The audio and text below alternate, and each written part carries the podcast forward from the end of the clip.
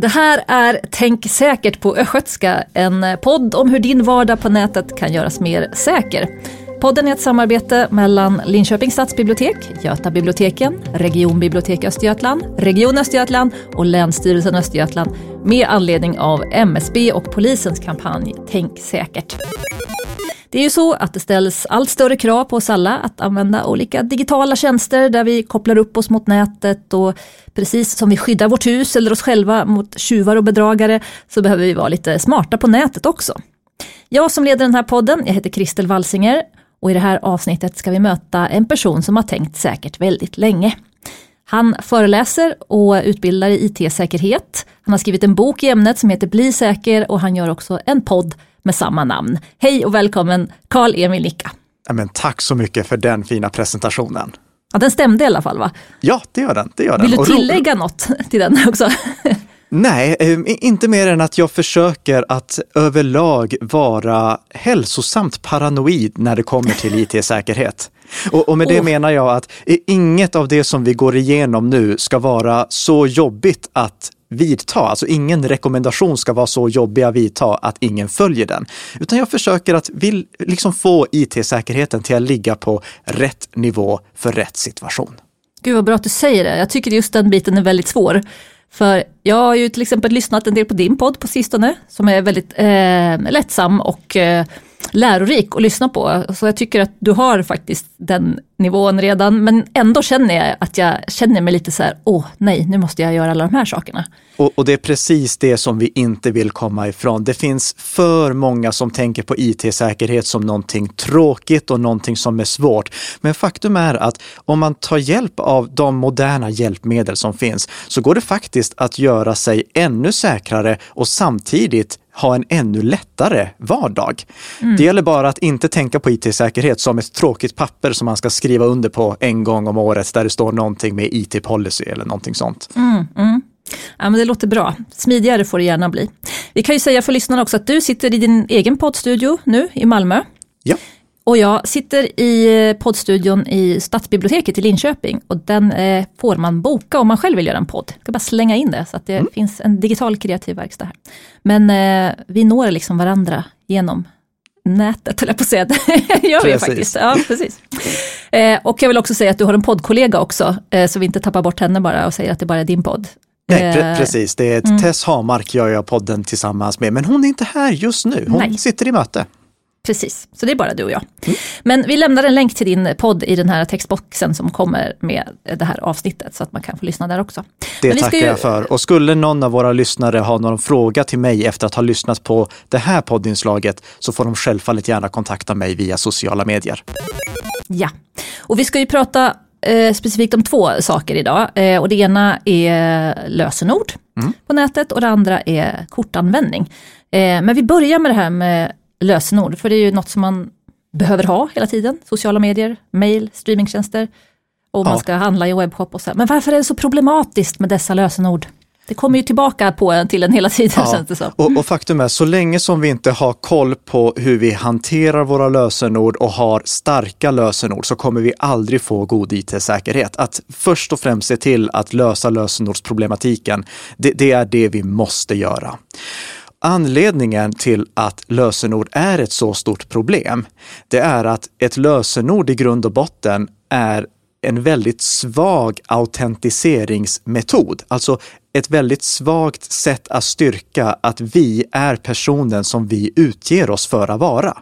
För ett lösenord är ju egentligen bara en hemlighet. En hemlighet som vilken annan som helst. När vi loggar in någonstans, då anger vi vårt användarnamn och så ställer webbplatsen en följdfråga och det är vilket är ditt lösenord? Men vem som helst kan ju egentligen ange det lösenordet om någon annan har kommit över det. Precis som någon som lyssnar på den här podden kanske någon gång har lånat ett Netflix-konto av någon annan till exempel. Eh, så lösenord är ett väldigt svagt sätt att styrka att vi faktiskt är personer som vi utger oss för att vara. Och det är därför det får de här konsekvenserna när vi läcker våra lösenord. Läcker mm. vi ett lösenord kan vem som helst utge sig för att vara oss. Och bara för att sätta in det i ett sammanhang så känns det som att kan det möjligen vara så att när man började med lösenord då använde vi inte så många eller använde mm. inte så många tjänster. Um, och det kanske inte var lika problematiskt som när vi flyttar ut liksom tyngre och tyngre tjänster Visst till nätet. det Visst är det mm. så. När eh, liksom, eh, vi började använda uppkopplade datorer, då var det ett användarnamn och ett lösenord till stordatorn vi behövde hålla koll på.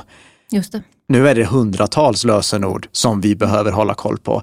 Mm. Och när vi kombinerar det med faktumet att vi ofta stöter på rekommendationer som att du måste blanda lösenord, eller du måste ha ett lösenord som består av blandade stora och små bokstäver, siffror och så ett mm. specialtecken också, men bara mm. just de här specialtecknen, inget annat. N när det är sådana rekommendationer och så många lösenord, då kommer vi väldigt snabbt fram till någonting som är omänskligt att efterleva. Mm. Alltså inte bara omöjligt att efterleva utan omänskligt. Det är inte rimligt att någon med en mänsklig hjärna ska kunna komma ihåg många krångliga lösenord. Det går inte. Nej, jag har svårt att komma ihåg ett som jag ska vara helt ärlig.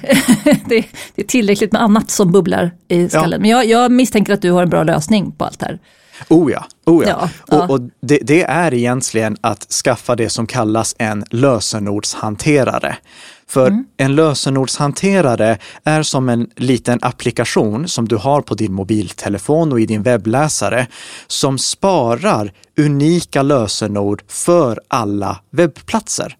Så mm. du börjar med att skaffa ett lösenord, ett starkt lösenord som du använder för att låsa upp din lösenordshanterare.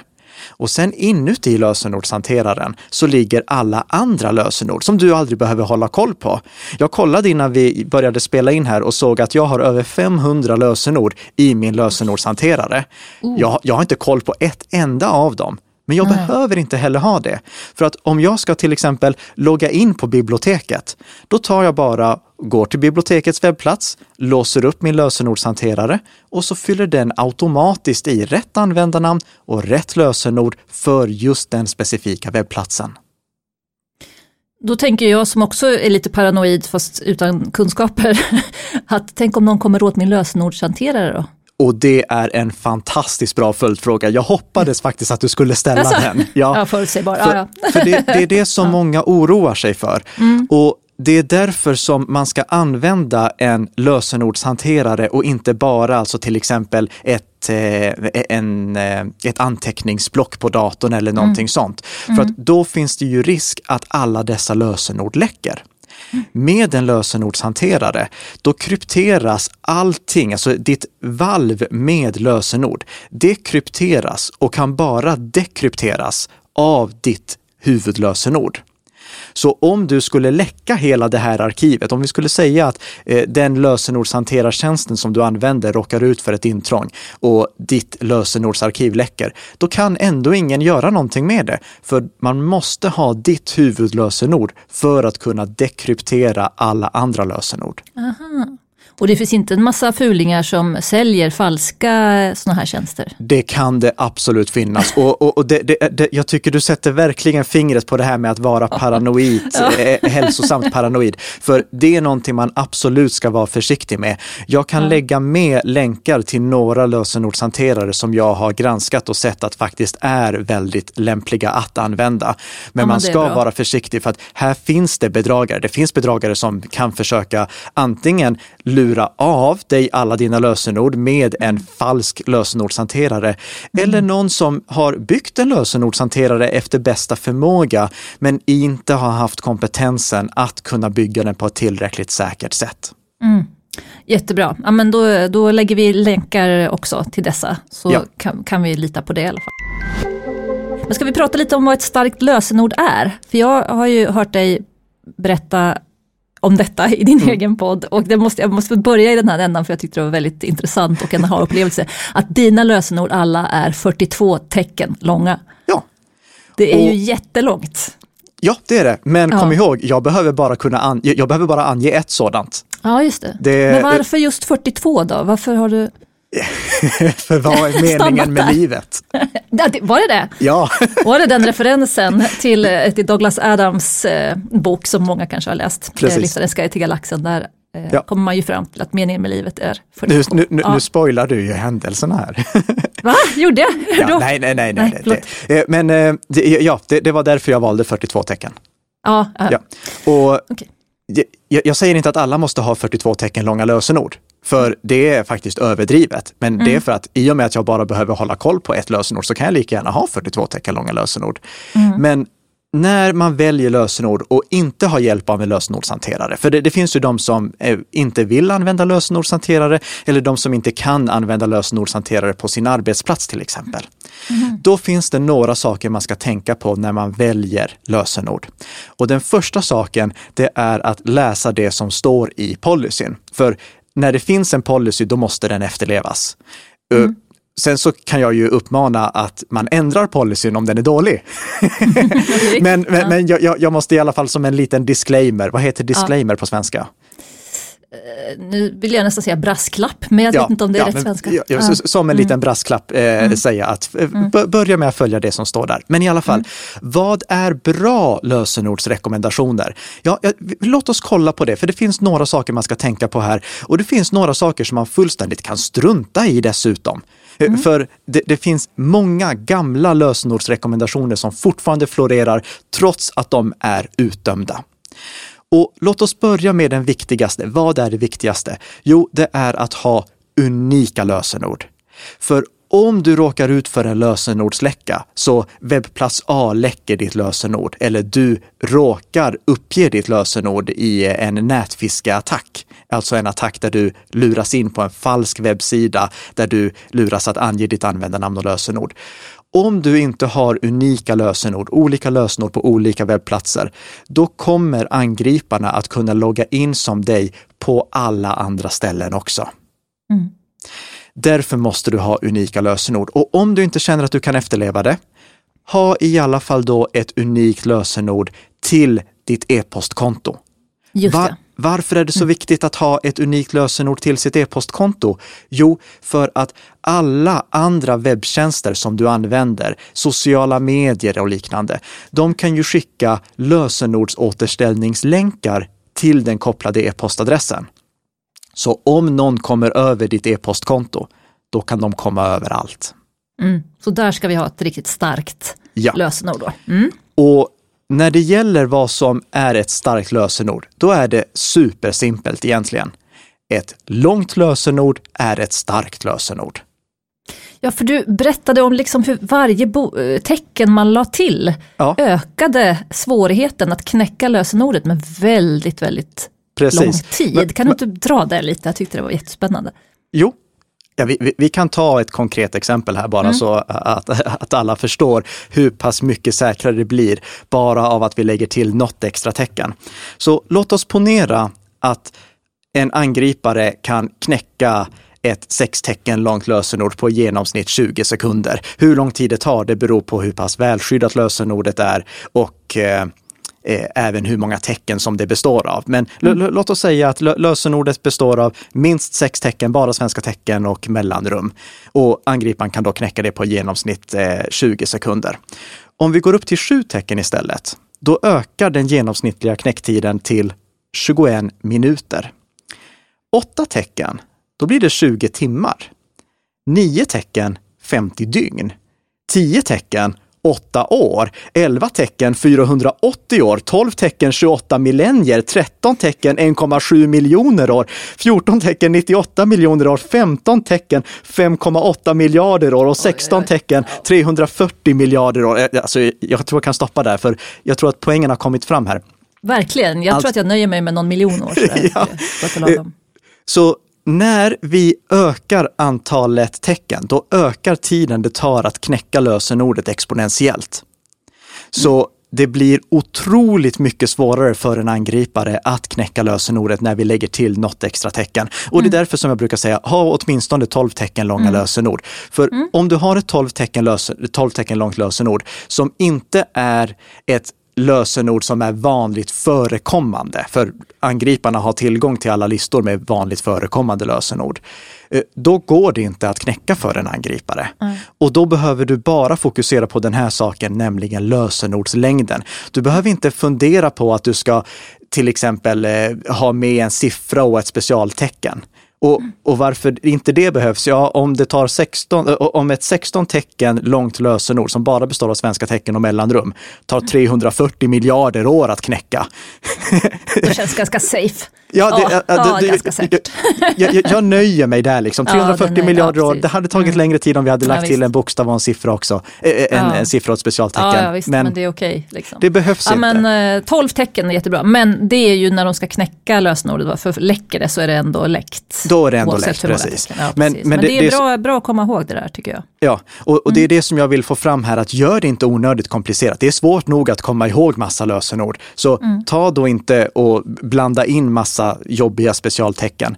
Nej. Ett lämpligt sätt att få ett långt lösenord utan att göra det samtidigt svårt att komma ihåg, det är att inte välja ett lösenord utan istället en lösenfras, alltså en mening. Ta liksom en, en mening, du kan ofta ha mellanrum till och med, och använd det som ditt lösenord istället. Och för att undvika att du tar en mening som finns i lösenordslistor, sådana som angriparna har när de testar olika lösenord, då brukar jag rekommendera det som jag kallar ett lösenstrunt. Ja, Och ett, det är lösen, ett bra namn tycker jag. ett lösenstrunt är en mening som är totalt nonsens. Ja. Alltså eh, till exempel installera kustflexatröskel. Det, det, va- varför tog jag installera kustflexatröskel? Jo, för jag plockade Svenska Akademins ordlista. Den består av 126 000 ord. Och så tog Ah. jag fyra stycken slumpvis utvalda ord ur den. Det är totalt nonsens, men installera kustflexatröskel är ändå ganska lätt att komma ihåg. Just det, det var ju smart. För, vilka är de här äh, vanligaste äh, sämsta lösenorden? Det är siffror, alltså räk, alltså Ja, bara det- 1, 2, 3, ABC 1, 2, 3 och sådär. Precis. Sifferkombinationer, bokstavskombinationer som är efterföljande varandra på tangentbordet, eh, könsord, eh, fotbollslag och eh, svordomar. Det är vanligt förekommande lösenord. Vi är enkla varelser. Ja, vi väljer vi. liksom samma allihopa.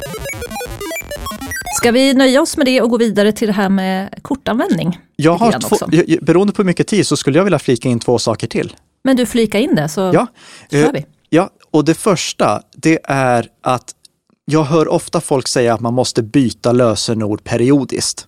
Mm. Och det är ytterligare en sån här sak som spär på svårigheten med att komma ihåg alla lösenord. Och det finns de webbtjänster där det är krav att man byter lösenord var 90 dag. Men i grund och botten så finns det ingen anledning att göra det om du inte riskerar att ha läckt ditt lösenord. Så istället för att byta lösenord periodiskt så brukar jag rekommendera byt lösenord vid minsta misstanke om att det kan ha hamnat på avvägar. Så gör du det också lättare för dig.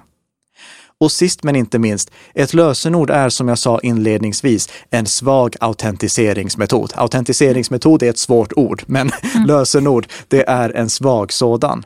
Ja. Och därför brukar jag rekommendera att på alla känsliga konton, e-postkontot, sociala medier och liknande, att där aktivera det som heter tvåfaktorsautentisering.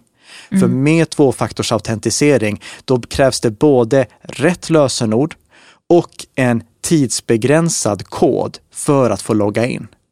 Och i och med att angriparna inte kan få på något lätt sätt tillgång till den sexsiffriga koden som krävs för att kunna logga in vid det tillfället, stärker du säkerheten enormt mycket av att aktivera tvåfaktorsautentisering. Ja, men det, det förstår jag, det låter ju jättesmart. Och det ser man eh, på, på vissa tjänster att de, att de föreslår en, vill du ha det här Precis. då och då? Och- Och, då och ska då- man säga och- ja. Och då vill du jättegärna ha det. Ja, Det, ja. det som har varit lite problematiskt med den vanligaste tvåfaktorsautentiseringsmetoden, det är att man som användare behöver ha något sätt att säkerhetskopiera de här eh, QR-koderna som används oftast när man ska aktivera tvåfaktorsautentisering.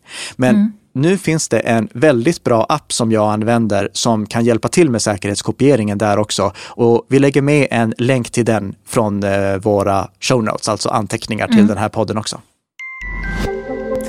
Då tycker jag vi pratar om kortanvändning. Ja, För det här är ju också en sån här väldigt, alltså någonting vi använder många av oss Mm. Flera gånger om, om dagen kanske, eller, eller så gör man det bara ibland. Vi är säkert väldigt olika hur, hur rädd man är för att använda sitt kort på nätet, men ja. Handlar du på nätet med kort? Absolut, och jag använder mm. kort eh, när, alltså det finns ibland skäl att använda alternativ. Men de gånger som jag är tveksam till huruvida jag vill anförlita webbplatsen med mina kortuppgifter, då är jag också tveksam till om jag vill handla där överhuvudtaget. Ja, För vad, vad gäller ja. då kring garantier och liknande? Ja. Så jag, jag, brukar vara väldigt restriktiv med vilka ställen jag handlar på och de ställena som jag faktiskt har förtroende för, de anförtror jag också mina kortuppgifter. Mm. Men det som är viktigt att tänka på här när det gäller just att handla med kort på nätet, det är att man är noga med vilken webbplats det är som man anger sina kortuppgifter på. En jättevanlig nätfiskeattack som eh, angripare utför när de vill komma över lösenord eller kortuppgifter, det är att de skickar ett mejl där det står till exempel att ditt ehm, paket som du har beställt har fastnat hos posten och du måste betala en, eh, en eh, avgift för administration på 20 kronor. Och klickar man då på den länken som kommer i det mejlet, då hamnar man på en nätfiskesida som ser ut som Postnords eller DHLs äkta webbsida, men som inte ligger på den rätta domänen. Och om man kollar längst upp i adressfältet, då ser man där vilken domän man är på. Och det ska alltid vara Postnords riktiga domän eller DHLs riktiga domän eller vilken speditör det nu är det handlar om. Och är man osäker på vilken är som är den riktiga, då söker man på Google eller Bing efter Postnord eller eh, DHL så hamnar man på mm. den riktiga. Är det farligt redan när man klickar på den länken? Eller är det om jag går in och börjar lämna det, uppgifter där? Det, För ibland så pratar man om virus, att du får aldrig klicka på länkar. Ja, jag, jag avråder överlag från att klicka på länkar. Och ja. det är dels för skadeprogramspridningen, men framför allt för risken att man hamnar på en falsk nätfiskesida. Mm. Och det, det, undviker man ifall man alltid själv är den uppsökande aktören i sammanhanget. Så mm. om jag får ett mejl från Postnord, då klickar mm. jag inte på en länk, utan jag går istället till Postnords webbplats och fortsätter mm. Därifrån ifrån. För så mm. länge som det är jag som ansluter till Postnords webbplats, då vet jag att då hamnar jag inte på någon skadeprogramspridande sajt eller på någon sajt som sprider nätfiske. Ja, jag har fått sms från, från något som påstod sig vara posten. Ja. De ser ju ofta, jag, jag, vill ju tro att jag kan se att det är falskt, mm. men det, riktigt, alltså rätt vad det är så kan jag inte se det längre tror jag. Ja. och, och, det, som du säger. Mm. och det är jättebra att du lyfter det exemplet, för mm. när det gäller just sms, Mm. Då får den som skickar smset skriva vad de vill som avsändare. Det sker ingen kontroll på det. Så, ja, så okay. en, en, en, nätfiskare kan skriva posten som avsändare, då ja, står det posten ja. som avsändare. Det. Det. är roligt för de skulle, posten skulle inte skriva posten, de skriver Postnord som jo. du säger också. Att, men om de inte är så klantiga utan har mm. skrivit mm. korrekt så är man ju lite, ja. Precis. Det, det är bra att veta att det, det finns ingen liksom, autenticitet i det, Nej. utan det kan man skriva vad som helst. Mm. Och någonting som är lika viktigt att känna till, det är att när man hamnar på en webbplats och ser att det finns ett litet hänglås i adressfältet, mm. då indikerar inte hänglåset att du är på den rätta webbplatsen. Hänglåset indikerar att du har upprättat en säker anslutning till webbplatsen så att inte någon som sitter på samma wifi-nät kan avlyssna vad det är som du skickar fram och tillbaka. Men okay. många har missuppfattat det här hänglåset och tror att det betyder att det här är den äkta webbplatsen. Men det betyder ah. bara att anslutningen dit är säker mm. och att mm. adressen som står i adressfältet är den riktiga. Okej, så jag kan ha, egentligen ha en säker anslutning till en fejkad sajt? Precis. Det är ju finlirigt det här alltså. Men eh, ja, man får ta en titt där och helst då gå in via nätet själv. När man, om man bara det, undrar liksom, så är det, det är det, mm. det är det absolut bästa att göra. Mm. Så när du uppger dina kortuppgifter någonstans, säkerställ att du är på rätt sajt genom mm. att gå dit själv. Sen finns det en sak till som bedragare ofta använder i de här sammanhangen och det är trygghetssigill. Alltså till exempel trygg e-handel och liknande ikoner som de klistrar på sajten för att uh. man ska känna sig tryggare med att handla där. Mm. Men då ska man komma ihåg att om vi tar Trygg e-handel som exempel, om man mm. inte kan klicka på Trygg e-handel och komma till Trygg e-handels webbplats och se där att det är ett giltigt sigill, mm. då är det bara som vilken bild som helst. Det, det, kan vilken bedragare som helst klistra på sin ja, webbplats. Men kan Så- inte en bedragare också bara klistra in bilden och länka den till Trygg e-handel? Eller kommer Jo. Trygg e-handel att då... Ja. Eh, Men, men i så fall, då hamnar man inte på en informationssida på Trygg e-handel som stärker att det är ett äkta sigill. Om det är ett äkta sigill, då kan man klicka på den ikonen och då kommer man till en sida där det står att vi har utfärdat en, eh, eh, ett Trygg e-handelssigill för just den här webbplatsen.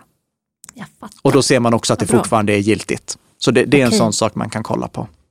Så man ska klicka på den, man ska inte bara titta efter den. Det var ju ett bra, Precis. bra tips måste jag Precis. säga. Mm. När, när- det gäller sådana här sigill, vem som helst kan klistra dit dem utan Mm. att de har något som helst värde.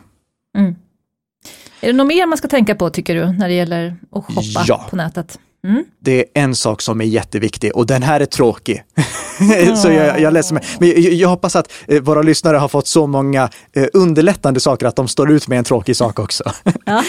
och det är att varje månad kolla på utdraget. Alltså på utdraget från alla transaktioner. Bara släng ett snabbt öga på det och se så att det inte sker några löpande transaktioner på ditt kort som du inte vill att ska ske. Okej. För om du har råkat ut för ett bedrägeri, då har du kanske en bedragare som drar en hundralapp i månaden. Ett litet belopp så att du inte ska liksom reflektera över att det saknas tusentals kronor. Men som de gör månad efter månad efter månad. Och det upptäcker du bäst genom att eh, varje månad kolla på ditt utdrag. Då får vi väl göra det då. Mm. Det är ju inte så himla jobbigt att sitta och kolla. Det gör man ju ibland, tänker jag. Dess, dessutom så kan man då uppmärksamma att man har signat upp sig på väldigt många abonnemang som man knappt använder längre. Så man kan spara Exakt. pengar på det här också. De behöver man också kanske titta på en gång i månaden. Hur många streamingtjänster har jag just nu egentligen? Hmm. Ja, mm. Bra. de, de Mm. tenderar att bli fler och fler. Ja, de blir det. Det är ju kul också. men, men precis, det blir dyrt. Ja, men tack för alla de här bra tipsen. Det Ja, här tack- är ju tack själv. vä- väldigt användbart. Och som sagt, jag har lyssnat mer på din podd och den, det finns massa intressant att plocka av där. Och det är väldigt lättlyssnat. Vad roligt att höra. Men tack så hemskt mycket för att du var med. Tack själv. Hej då! Hej då!